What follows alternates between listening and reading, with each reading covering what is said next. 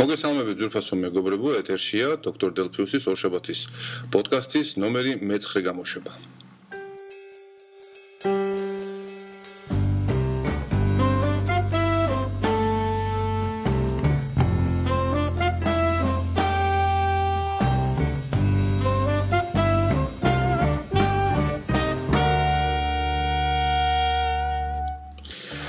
მოშესადამე დღეს არის 3 ივნისი 8 საათი და 57 წუთი ჩაწერა ხდება ორშაბათ დილით. აა როგორც უკვე ტრადიციად იქცა ამას ვაკეთებ მე ჩემთან ოფისში, სადაც მე მუშაობ კომპანია Go Electronics-ში.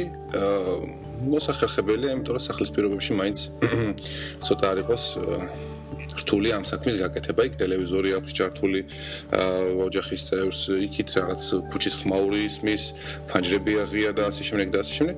ეხლა აქ ოფისში რა თქმა უნდა ასე დროს არავინ არ არის, ჩემნაირი გიჟის გარდა. კიდე კარგი რომ მე გასაღები მაქვს და ასე ამგვარად წერთ ჩვენს გადაცემას. გასული კვირა როგორ თქვა? საკმაოდ საინტერესო საინტერესო არა, უბრალოდ რაღაც რაღაც მომენტებით იყო ახსავსე. აა ვეწვია ჩემს ყოფილ სახლს. აა და უკვე დავიწყე ჩემი პირადი ნივთების გამოზიდვა. ჯერჯერობით ეს იყო ტანსაცმელი, ასე ვთქვათ, სამთრის სამთრისები, ვინაიდან ზაფხულის ზაფხულისთვის საჭირო ტანსაცმელი მე წამოსვლის დროს წამოვიღე. ერთის და მეორეც არის ძალიან ბევრი რაოდენობით. თუმცა მე ვთვლი რომ მაქვს ძალიან ცოტა დასაწყალი და მე თუ ვთვლი რომ ცოტა მაქვს გამდენია, წარმომიდგენია იმ ადამიანების გაჭირვება, რომლებიც რომელსაც უყვართ ჩემგან განსხვავებით. სხვადასხვა სტილის დასაწყლის შეძენა და მათი დასაწყობება წლების განმავლობაში. ჩათვალეთ რომ ამ ტანსაცმლიდან როგორც ზაფხულის ასევე სამთრის ტანსაცმლიდან ალბათ 80% გადასაყრელია. ზოგი უკვე პატარა მაქვს, ზოგი მოდიდან გამოსულია, ზოგი გაცრეცილია. აი მაგალითად გადასაყრელია 4 წელი ჯინსის შარვალი.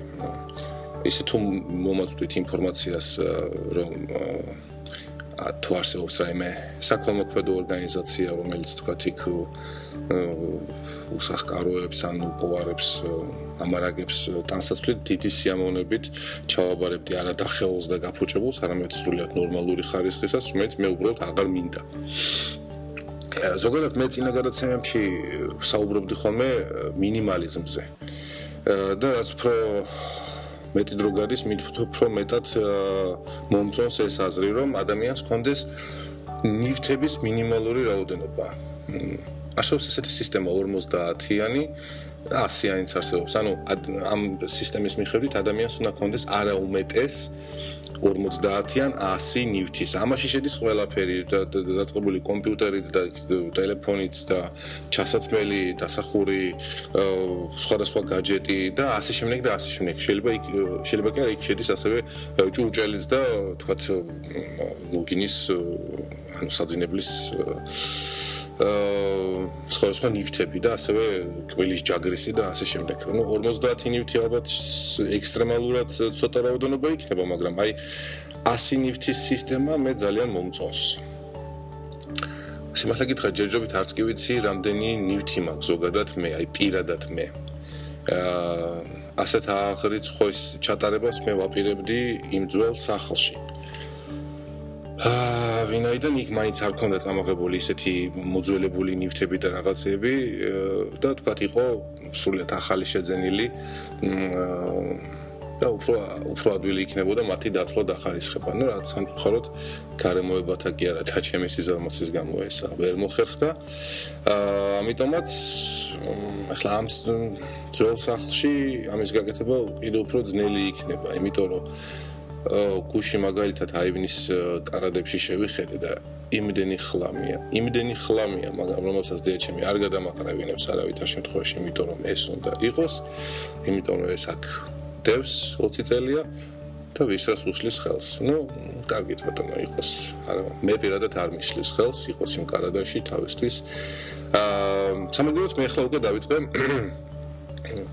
ჩემი ახალი ძველი ახალი საცხოვრებელი ადგილის მოწესრიგება ჩემთვის ჩემს თავზე მორგება და პირველი რაც გავაკეთეთ ეს არის ინტერნეტის შემოყვანა. კავკასუსის ოპტიკა რაოდენად გასაოცარიც არ უნდა იყოს პეროიან საბურთალოს ახლად აშენებულ корпуში ჯერ კიდევ არ არის, ну სილქნეთიც როგორ ძლივზლიობით შემოიყვანეთ დიდი თხოვნამუდარის შედეგად იმ ძოლსა იმ სახლში, ხოლო აქ დამხვდა კავკასუსის ოპტიკა შემოყვანილი სადარბაზოში და თან დაემთხვა აქცია. ესე იგი ივნისის თვეში აქვთ უფასო ინსტალაცია და 40 ლარიანი პაკეტი ერთი თვით გექნება უფასოდ. რაზეც რა თქმა უნდა სიამონები დავთანხმდი და გუშინ მოვიდნენ ორი ახალგაზრდა მაწველი რაც საინტერესოა, რაც მე მე კავკასუსის მომხარებელი არასოდეს არ ყოფილ ვარ, ოდესღაც ჯერ კიდე აი ამ ნაძალადების სახლში მე მქონდა აა იმისი ახალი ქსელების უსაშინლესი ინტერნეტი თავიდან 1-4 წლის განმავლობაში, იმიტომ რომ სხვა არაფერი არ იყო. მე შეიქმნა ეხლა რო სილქნეტი ქვია და მანამდე გაერთიანებული ტელეკომი თუ რაღაცა.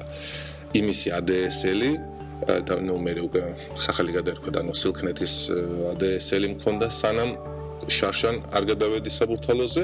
და პრინციპში შეიძლება ითქვას რომ აა ნაზალადების პირობებში იმ იმ სატელეფონო ხაზების პირობებში რომელიც აქ დევს ხსოვარი დროიდან ჭებში მაინც ნორმალურად მუშაობდა თუმცა რა თქმა უნდა პრობლემები ყოველთვის იყო კავკასუსი არ შემოდიოდა პრინციპულად. ნუთლიდა რომ ეთქვა ნაზალადები იმისთვის მიუღებელი უბანია.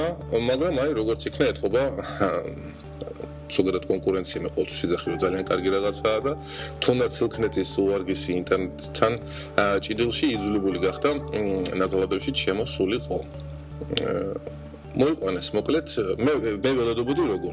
ანუ იმ საბურთალოს სახლში შემოიყვანეს ბინაში ოპტიკური ხაზი იქიდან ეს ოპტიკური კაბელი შეუერთდა ეს პატარა ამაძაღლობას იქიდან გამოვიდა ქსელის კაბელი და იმათ როუტერს მიუერთდა. იმათი როუტერი კიდე ჩემს როუტერს მიუერთდა. მოკლედ გამოვიდა ესეთი ძალიან ჩუკუჩუკუ მატარებელის ვარიანტი, რის გამოც ორმაგი ნატირება ხდებოდა და ნუ მე იქ ჩავხსენი ჩემს როუტერში და ბრიჯი გავაკეთე. მე მაქვს ტაიმ კაფსულა პირველი თაობის ძალიან ყვაყოფილი ვარ. ამათმა რა გააკეთეს? ამათმა არანაირი ოპტიკა არ შემოიყენეს, შემოიყენეს ქსელის კაბელი. რაც პრინციპში ჩემ შემთხვევაში ძალიან კარგია, იმიტომ რომ ველოდებოდი რომ კიდე უნდა დაედოთ რაღაც მოწყობილობები, უნდა მეთხოვნა რომ იქნებ როუტერის ნაცვლად პატარა გან არც მახსოვს იმის სახელი რაღაც კონვერტორია, რომელსაც უბრალოდ ოპტიკური სიგნალი გადაყავს ასე ვთქვათ, ეზერნეტში ძალიან მარტივად რო ვთქვათ, მაგრამ ეს ყველაფერი არ დამჭირდა, მაქვს ჩემი კაფსულა, რომელზეც მიერთებულია ეს უშუალოდ ეს ქსელის კაბელი, ეზერნეტი, დინამიურად ვიღებთ იქიდან IP მისამართს და ყველაფერი მშვენივრად მუშაობს თუთუ რო იყვენ ჯერჯერობით. აა შემოწმე სიჩქარეები, ნუ საქართველოს პირობებში რა თქმა უნდა 40 მეგაბიტამდე გადის. ევროპაზე არის სადღაც 20-22 მეგაბიტი, ხოლო აი ამერიკის შეერთებულ შტატებში 64 მეგაბიტს ძლივს მიაღწია. ну იმედია რომ დროებითი იქნება მე რამე რუტინგი გავუკეთონ და ცოტა უფრო გაუმჯობესონ არ ვიცი ყოველ შემთხვევაში ჯერჯერობით რა საიზეც არ შევედი პრობლემა არსად არ შემხედრია ნუ განსაკუთრებით ქართულ საიტებიდან მე თითქოს არსად არ შევდივარ გარდა იმისა რომ iPad-დან my videos ვსტუმრობ ხოლმე ძალიან კარგი აპლიკაცია აქვს სხვათა შორის და გირჩევთ როგორც iPhone-ისთვის ასევე iPad-ისთვის ეს აპლიკაცია გაძლევთ საშუალებას არა მარტო აა ონლაინ უყუროთ სატელევიზიო არხებს, რაც ჩემთვის ნაკლებ საინტერესოა, იმიტომ რომ ტელევიზორის სახში ისე რაც არის. აა არამედ უფრო საინტერესოა ის კინო არქივი, რომელიც მათ აქვთ. აა თავს ვერ დავდებ, რომ ამ არქივში განთავსებული ფილმები ლიცენზიურად სუბთანი არიან. ანუ რომ მაი ვიდეოს გადახდელი აქვს ამაში თანხა ძალიან ძალიან მეეჭება, იმიტომ რომ Lost Film-დან და ასეთი წყაროებიდან აქვს აღებული, ასე რომ შეგვიძლია ვივარაუდოთ, რომ ეს არის პირატული არქი მაინც. მაგრამ ყოველ შემთხვევაში ახლა არ დავიწყებ თავს ქალიშვილობის ინსტიტუტზე არ დავდებ და არ დავიწყებ იმის მტკიცებას, რომ მეც მხოლოდ და მხოლოდ ლიცენზირებულ ფილმებს ვუყურებ. რაც შეეხება პროგრამულ უზრუნველყოფას, ამაზე მაქვს ჩემი მკაცრი და მტკიცე პოზიცია, რომ მაქსიმალურად ვცდილობ გავათეთრო ყველა ის სოფტი, რომ პროგრამული უზრუნველყოფა, რომელთაც მე მიწევს სარგებლობა და დაგეგმილ ესე ვთქვათ გეგმის მიხედვით ყოველთვიურად რაღაც გარკვეული ენთანხა მაქვს გამოყოფილი ამისთვის ჩემი პირადი ბიუჯეტიდან. ფილმებს რაც შეეხება ჯერჯერობით ჩემი თვით შეგნებაც ვერ ვერ ამაღლდა იქამდე რომ აა მე ფული გადავიხადო ფილმში თუმცა იმეც ვიტყოებ რომ ოდესმე ეს საკითხიც მოგვარდება თუმცა უკვე მე მომწიფთი იმისთვის რომ აა მუსიკა რომელიც მე მომწონს აა ვიყიდო iTunes Store-დან და არ გადმოვწერო ტორენტებიდან. უბრალოდ შეიძლება ჯერ გადმოვწერო ტორენტიდან, როგორც ეხლა ვაკეთებ. აა მოусმინო დავწმუნდე რომ მე ეს მართლა მომწონს და კარგი რაღაცაა და შემდეგ უკვე რეალურად კარგი ხარისხის გადმოვტვირთო iTunes-დან. ჩავატარე ერთი პატარა ექსპერიმენტი. შესაძლოა ახლა ეს არ იყოს აბსოლუტური ჭეშმარიტების მატარებელი, მაგრამ ყოველ შემთხვევაში საინტერესო რა. აა ტორენტებიდან გადმოწერილი აა შეუკუმშავი, ან ფლაკ ფაილი ეს ხმა შევადარე iTunes Store-ში განთავსებულ შეგუმშულ ვერსიას. სხვა იგზნებოდა iTunes Store-ის სასარგებლოდ. აა ეს მოჩვენებელია ესეთი მომენტია რაღაც ისეთი, რაღაც შეიძლება დაგაფიქროს როგორც მინიმუმ და გიბიზგოს რომ ჩაატარო დამატებით ექსპერიმენტები უკვე სხვა სხვა და სხვა კიდე ალბომებზე, რომლებიც მაქვს და მე შევეცდები თქვა ერთი 10-ოდი ალბომს მაინც გამოგნახო უფრო დრო იმისთვის რომ ერთი 10-ოდი ალბომის ზოგ-ზოგიერთი კომპოზიციები მოვისმინო იქაც და იქაც. აა ძალიან მარტივი ასე ვთქვათ საზომი ყური იძლევა ჩემი ყური მე მაძლევს იმის საშუალებას რომ პირადად საკუთარი თავისთვის განსაზღვრო მომწონს თუ არ მომწონს აა ვთქვათ ტორენტიდან გადმოწერილი ფაილის ჟღერადობა თუ დაუშვათ iTunes Store-ში ნაკიდი ფაილისა უკეთესი იქნება. აა მინდა ბოდიში მოგიხადოთ ცოტა დაგვიანებით. საშინელი ანგინა მაქვს ბევრს ვერ საუბრობ სიმართლე გითხრათ და თანაც ცხვირი მაქვს გაგუდული, ანუ გაციების ესეთ სტადიაში ვარ ის გამოც გუშინ გამოვტოვე ტანჭ ფარტი, რომელზეც ბატონი მირიანი და ბატონი დევი მეძახდნენ, მაგრამ მე საფრთხოდ უარი უთხარი ვინაიდან სახში გახდით თელ დღის განმავლობაში და ვცდილობდი ზოდა წყობში მომეყვანა. საკუთარი ორგანოს მიმეტნაკლებითი წარმატებით ეს მოახერხე, მაგრამ ნუ ყოველ შემთხვევაში ჯერჯერობით მაინც საკმაოდ სუსტად გძნობ თავს. აა პრინციპში დღევანდელი თუ წინა გადაცემას გამოგვივიდა რაღაც ისეთი კრიტიკის გარცეცხლი, გარცეცხლი შეიძლება უკაცრავად ხმამაღალი ნათქვამი იყოს, მაგრამ იქ ფილმები განვიხილეთ. ეხლა დღევანდელი გადაცემა რაღაც უფრო პირად ცხოვრებას შეეხება. ალბათ არის მომენტები, როდესაც ვერავისთან ვერ საუბრობ, გიჭირს და ვიღაც კონკრეტულ ადამიანს რომ ესაუბრო აი ამ თემებზე. აი თუნდაც ის რომ ეხლა მე რაც მოვყევი, ამან მომცა საშუალება ცოტათი განთავისუფლებულიყავი იმ ასე ვთქვათ, შებოჭილობისაგან, რასაც ახლავს ზოგადად განქორწინება. არც თუ ის ესოციალურ პროცესია, რა თქმა უნდა, ალბათ თანხმება ის, ვისაც ეს განუცდია. აა და ამიტომაც აი ეს საუბარი, საუბარი თითქოს და არავისთან ამ დროს შესაძლოა რომ ამ გადაცემას ძალიან ბევრი ადამიანი უსმენდეს, აა მაძლევს ერთგვარ შვებას, რასაც დიდ მადლობას გეუბნებით და ბოდიში თუ ძალიან შეგაწყინეთ აა ამ თემებზე საუბრით. კიდე რა ხდება? ძალიან ბევრი რომ არ გადავთვრთოთ გადაცემა და ხოლო საკუთარ თავზე საუბრით. ეხლა ვცდილობ გავიხსენო რაიმე IT სფეროდან. IT სფეროდან ერთადერთი ის მახსენდება რომ გასულ კვირას დავიწყე აქტიურად დავიწყე WordPress-ის ცალკეულ მოდულების გაქართულებაზე მუშაობა, რასაც ყოველდღურად მინიმუმ 60 საათს ვუთმობ. აა BBPress-ი არის დაგეგმილი აუცილებლად აა BuddyPress-ი, ანუ ეს არის ფორუმის მოდული და სოციალური აქტივობის მოდულიც არის თქვის ალბათ უფრო დანაშენი არის ესეთი ზემოდან რაც საშუალებას იძლევა ზოგადად WordPress-ის ძრავზე ააგო ესეთი პატარა Facebook-ის და ერი სოციალური ქსელი მთელი თავისი დამეგობრობებით, აქტიობებით და ეგრეთ წოდებული და ლაიქებით და ასე შემდეგ და ასე შემდეგ. ამის ქართული ვერსიები არ არსებობდა, ან ამ მოდულების ქართული ვერსიები და ამიტომაც დავიწყე მასზე მუშაობა და უშუალოდ რა თქმა უნდა ასევე 351 WordPress-ის გაქართულების დასრულებაზეც.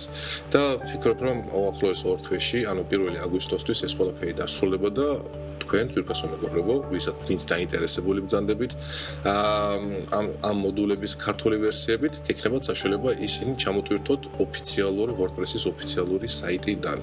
რაც რა თქმა უნდა ძალიან მისასალმებელია.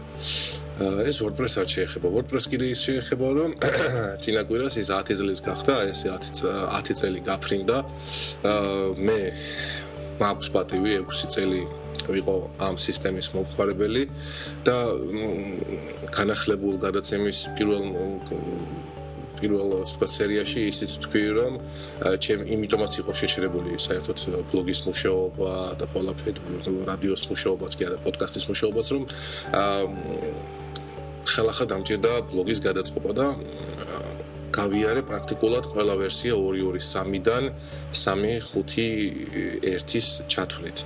ძალიან საინტერესო ასე თქვათ ისტორიული ექსკურსია იყო ვინაიდან ყოველი ამ ახალი ვერსიის ჩატვირთის შემდეგ რა თქმა უნდა იცვლებოდა ინტერფეისი უმჯობესდებოდა უფრო რთულდებოდა ემატებოდა ახალი ფუნქციები დამატებითი და დამატებითი და ასე შემდეგ. აა და ეს და რა თქმა უნდა 1555 თუ 1600-მდე სტატიის ასე თქვათ თვალის გადავლება ასევე ძალიან საინტერესო მომენტი იყო მაგრამ ახლა ჰორიზონტზე გამოჩნდა ერთგვარი პაცია კონკურენტი WordPress-ისა მე ხა შევეცდები ვიპოვო მის შესახებ. აა სტატია რომელიც გასულ კვირას დაიწერა. ერთ-ერთ საინტერესო WordPress რესურსში ასე ვთქვათ საქმე მას ვიპოვნი ალბათ ვირი ხეზეც ავა აი ესეთი სიჩქვის გაკეთება რა თქმა უნდა არაფერ შემთხვევაში არ შეიძლება. ხო აი ვიპოვნე მოკლედ Kickstarter-ზე Kickstarter-ზე აა ხმაძულება გამოფინეს ახალი პროექტი რომელზეც ითხოვენ თანხას და რომელზეც საკმაოდ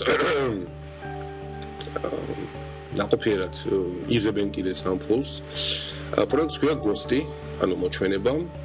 და ის არის ძალიან ძალიან სუბუქი აა მარტივი აა ბლოგინგის სისტემა, სადაც აი მხოლოდ ბლოგინგია შესაძლებელი და მეტი არაფერი. აქვე ამით ვერ აწყობ ვერც ელექტრონულ მაღაზიას, ვერც რაღაც უფრო რთულ აა საზოგადოებას ან community-ს და ასე შემდეგ. ეს არის სუფთა ბლოგინგის სისტემა, რომელიც აა თანაც დაწერილია არა PHP-ზე, არამედ JSON-ზე. თუ JSON-ზე კი არა.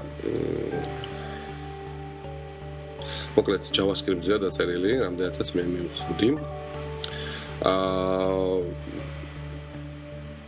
ვერ მოვასწარი ჯერჯერობით მისი გამოცდა ვინაით ხო node.js-ზე .js-ზე არის დაწერილი. ვერ მოვასწარი იმ მარტივი მიზეზის გამო რომ ჯერჯერობით მისი გადმოტვირთვა შეუძლებელია არის demo საიტი სადაც შესაძლებელია რაღაც მისი შესაძლებლობების ნახვა ნუ მულტიმედიასთან ძალიან კარგად მუშაობს. სურათების ჩასმა ვიდეოს ჩასმა აუდიოს ჩასმა ეს ყველაფერი როგორც ავტორები იძახიან არის ძალიან იქნება ძალიან მარტივი ძალიან ისეთი ადვილად გასაკეთებელი. მოკლედ დაველოდოთ აუცილებლად აუცილებლად გავსინჯავ. ვერ გეტყვით რომ მე აუცილებლად გადავალ ამ სისტემაზე, ვინაიდან WordPress-თან მე ახლა ძალიან უკვე მჭიდრო ურთიერთობა მაქვს, მთელი ბლოგი მასეა გაწყობილი, უამრავი მოდულები, უამრავი ფუნქცია, რომელიც მე მჭირდება. დარწმუნებული ვარ, რომ თუნდაც საწყის ეტაპზე ამ ახალ პროდუქტს არ ექნება ამის ხარდაჭერა, მაგრამ იმისთვის რომ ცადოთ იმისთვის რომ ნახოთ თუ რას წარმოადგენს ეს პატიცემული გოსტი. აა ამას აუცილებლად გავაკეთებ და ტესტ დრაივი გვექნება ყოველ მიზეს გარეშე. აა ერთს პატარა ინფორმაციასაც მოგასწრებთ დღეს ამით დაკავშირებით ვინაიდან უკვე ვეღარ სუნთქავ ის იმდენად მაქვს წვირი გაჭედილი. აა გადაცემა რომელსაც მე დევი და მირიანი ვაკეთებთ ფსიქობრივად ახალ ფაზაში გადავიდა. ჩვენ უკვე შევუკვეთეთ აპარატურის ნაწილი, რომელიც ამ თვის ბოლოს ჩამოვა და უკვე დავიწყებთ სტუდიის გამართვას. აი სამწუხაროდ იყო ალტერნატიული ვარიანტი, რო თქვა პროფესიული აპარატურის გარეშეც დაგვეწყო. მუშაობა გადაცემების გამოშვება, მაგრამ საბოლოო ჯამში მაინც მივედით იმ დასკვნამდე, რომ ჯობია ცოტა კიდე დაველოდოთ, შევიძინოთ ყველაფერი, რაც ჩვენ გვჭირდება, აქ არ არის რაღაც ის კოსმოსური ტექნოლოგიებზე საუბარი, უბრალოდ ის მინიმალური აპარატურა. ეხლა დღესაც მე ამ გადაცემას ვწერ არაპროფესიული მიკროფონით, არამედ კომპიუტერში ჩამონტაჟებული შიდა მიკროფონით, მიუხედავად იმისა, რომ მაკია და გაცილებით უფრო უკეთესი ხარისხი აქვს ვიდრე ნებისმიერ ყველაფერი PC ლეპტოპს ლეპტოპში ჩაყენებულ მიკროფონს, მაინც მისი ხარისხი ვერანაირად ახლოსაც ვერ მივა პროფესიულ მიკროფონ პროფესიული მიკროფონის აა კონდენსატორიანი მიკროფონის ხარისხთან, რა თქმა უნდა. ყველაფერი შეკვეთილია, მიკროფონები, მიქსერი, უამრავი კიდე სხვა დამატებითი საჭირო ხელსაწყოები და შემდეგ გადაცემებში კიდევ უფრო დეტალურად გეტყვით თუ რა სტადიაზე ვიმყოფებით. ამით დღევანდელ გადაცემას დავასრულებ. დიდი მადლობა კიდევ ერთხელ რომ მისმენთ. დარჩით ჩემთან. აა დოქტორ დელფიუსის ყოველკვირეული ამბები ყოველთვის თქვენს განკარგულებაში იქნება. დროებით.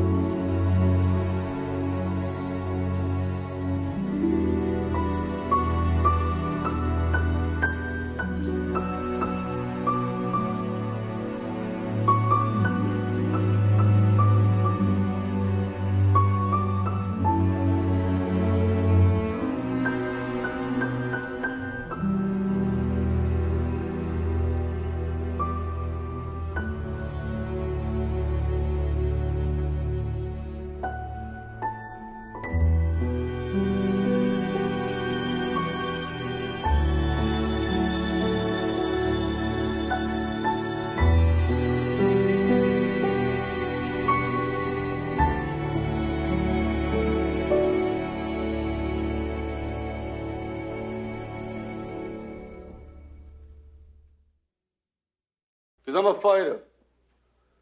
That's the way I'm made, Adrian. We can't change what we are.